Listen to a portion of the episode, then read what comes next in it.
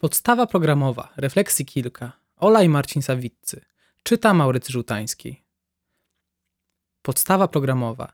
Temat już z samej nazwy wydaje się nudnawy i mało ciekawy. Kojarzy się nam ze zwiększającym się zbiorem informacji i umiejętności, jakie musi w czasie rocznego cyklu pracy w szkole nabyć każdy uczeń. Zapraszamy do wędrówki po meandrach i skutkach jej istnienia.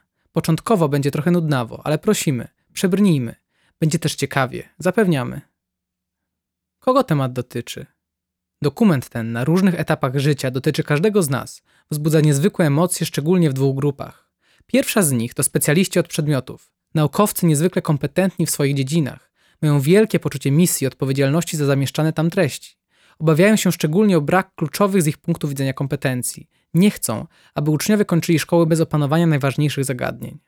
Drugą grupę zainteresowanych stanowią politycy, którzy żyją w przekonaniu, że wpływając na kształt podstawy programowej, zdecydują o poziomie patriotyzmu, obywatelskości, społecznej wrażliwości czy stosunku do państwa i narodu poddanych nauczaniu uczniów.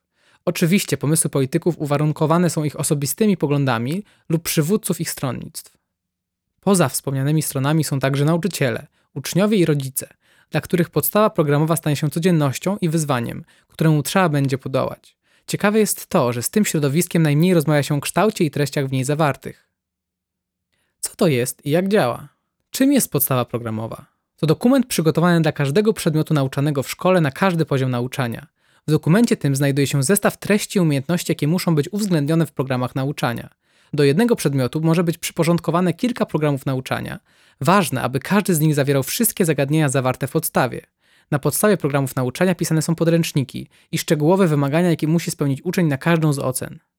Często wydawnictwo zajmujące się przygotowaniem i dystrybucją podręczników w sposób drobiazgowy wyręcza, wspiera nauczycieli i dyrektorów, przygotowując szczegółowe rozkłady materiału z rozpisaniem na ilość godzin przewidzianych w ramowych planach nauczania. W dokumencie takim szczegółowo jest sprecyzowane, co nauczyciel ma zrobić w czasie jednej ze 180 godzin przeznaczonych na realizację programu danego przedmiotu. Zwalnia go to z konieczności zastanawiania się nad tym, co ma dzisiaj zrobić lub wpisać do dziennika. Wiadomo, co jest w rozkładzie przewidziane dla 36 godziny chemii w roku w klasie 7. Przy kontroli też jest łatwiej. Dyrektor szybko może zobaczyć, czy wszystko jest zgodnie z harmonogramem, a pracownik kuratorium też ma prościej przy sprawdzeniu realizacji statutowych działań szkoły. Pamiętajmy, że każda kontrola samorządowa, kuratoryjna ma zadanie określić, czy placówka realizuje swój statutowy obowiązek. W statutach szkół najważniejsze zapisy dotyczą realizacji obowiązku szkolnego, kontrolowania jego spełniania, zdobycie wiedzy umożliwiającej uzyskanie przez ucznia świadectwa ukończenia szkoły, poprzez realizację podstawy programowej w ramach określonej siatki godzin. Cała reszta opowiadająca o pasjach, rozwoju osobistym, duchowym, fizycznym to taki ocieplający dodatek. A przecież w ustawie oświatowej jest taki piękny początek szkoła. W szczególności zapewnia uczniom pełen rozwój umysłowy, moralny, emocjonalny i fizyczny, zgodnie z ich potrzebami i możliwościami psychofizycznymi. Oczywiście nauczyciel ma możliwość rezygnacji z podręczników i realizacji własnego programu nauczania przedmiotu w uzgodnieniu z dyrekcją szkoły. Jak się można domyśleć, nie jest to zjawisko powszechne. Większość naszych zakładów nauczania realizuje to, co obowiązkowe. Podobnie zachowuje się cała społeczność uczniowie, nauczyciele, często rodzice. Nasze szkoły przypominają bardziej zakłady drobiarskie ze ściśle przestrzeganymi procedurami niż miejsca, w którym dzieje się coś, co zostało zapisane w pierwszym zdaniu ustawy oświatowej. Jak opanować podstawę programową?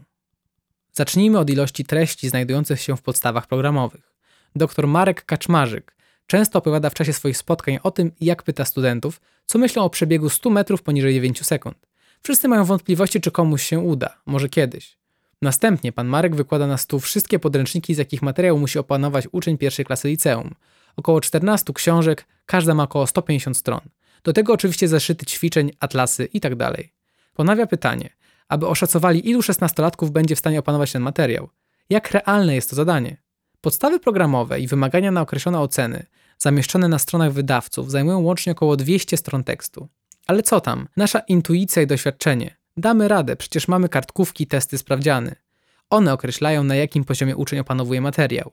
To nic, że po kilku dniach zapomni. Ważne, że miał. Zdał test. Jedziemy dalej z materiałem. Jest to harmonogram zajęć. Nie ma co się zatrzymywać. To nic, że w grupie jest taka różnorodność potencjałów. Przecież naszym zadaniem jest zrealizowanie podstawy programowej. Efekt? Pozornie świetny. Ratuje nas rozkład Gaussa. Na szczęście znajdują się tacy, którzy większość albo i całość treści opanują. Mamy przyjaciół. Wielce im zazdroszczę, wszystko zapamiętają. od nazwiska czołowego napastnika klubu Bóg Wyszków w 1997 roku, przez kaliber największych dział na pancerniku Musashi, po parametry najnowszego obiektywu Fuji. Im ta ilość przyswojonych faktów nie przeszkodzi, ale w czymś pomoże. Strategie uczniowskie. Opisujemy tak dokładnie zasady tworzenia, działania i realizowania podstawy programowej, aby łatwiej było odpowiedzieć na pytanie, jakie często zadają sobie uczniowie i rodzice. Jak żyć, gdy nie zrealizuję podstawy programowej? Jak funkcjonować? Jak zdać maturę?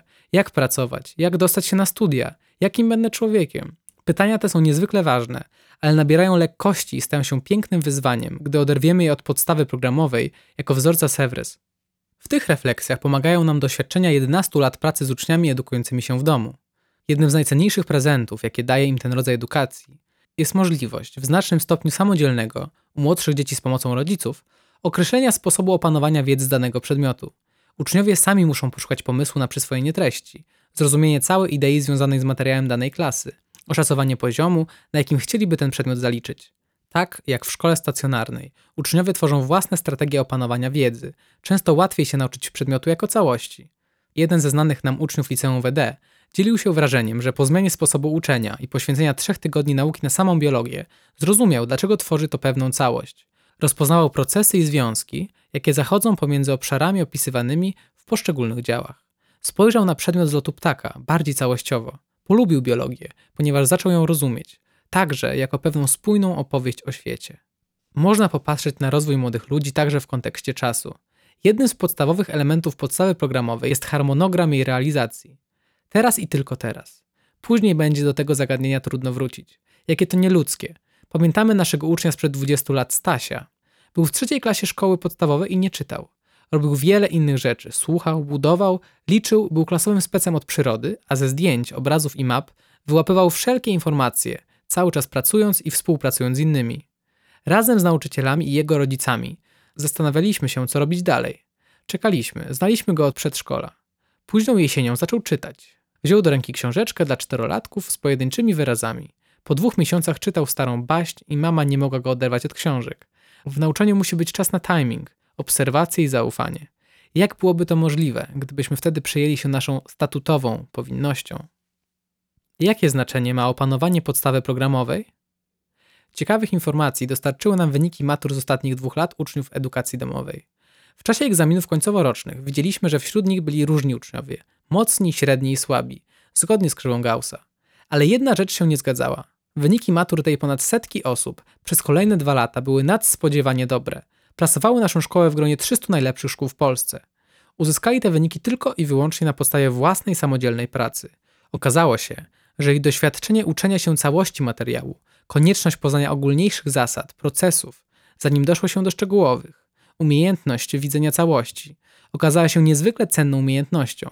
Tego nie dałoby uczenie tradycyjne, gdzie tysiące uczniów uczy się systematycznie materiału, szczególnie fragmentów, później także systematycznie je zapomina i nie łączy ich w całość, bo nie ma kiedy, pędząc, zapamiętując fragmenty podstawy programowej. Jak pogodzić zainteresowania i rozwój pasji z podstawą programową?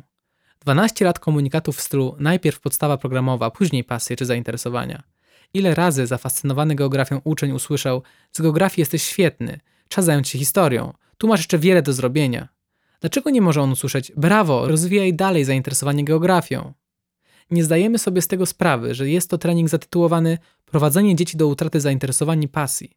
Koncentracja na wykonywaniu zadań i poleceń, przygotowanych do zadań wyobrażonych przez dorosłych, stających się przewidzieć, jak będzie wyglądała przyszłość, tkwiących głęboko w czasach, które dawno już minęły. Gdy zastanawiamy się nad naszymi rodzinnymi lub powierzonymi w szkołach dziećmi, to często przy podejmowaniu decyzji staje nam przed oczyma następujący obrazek, a raczej dwa obrazki.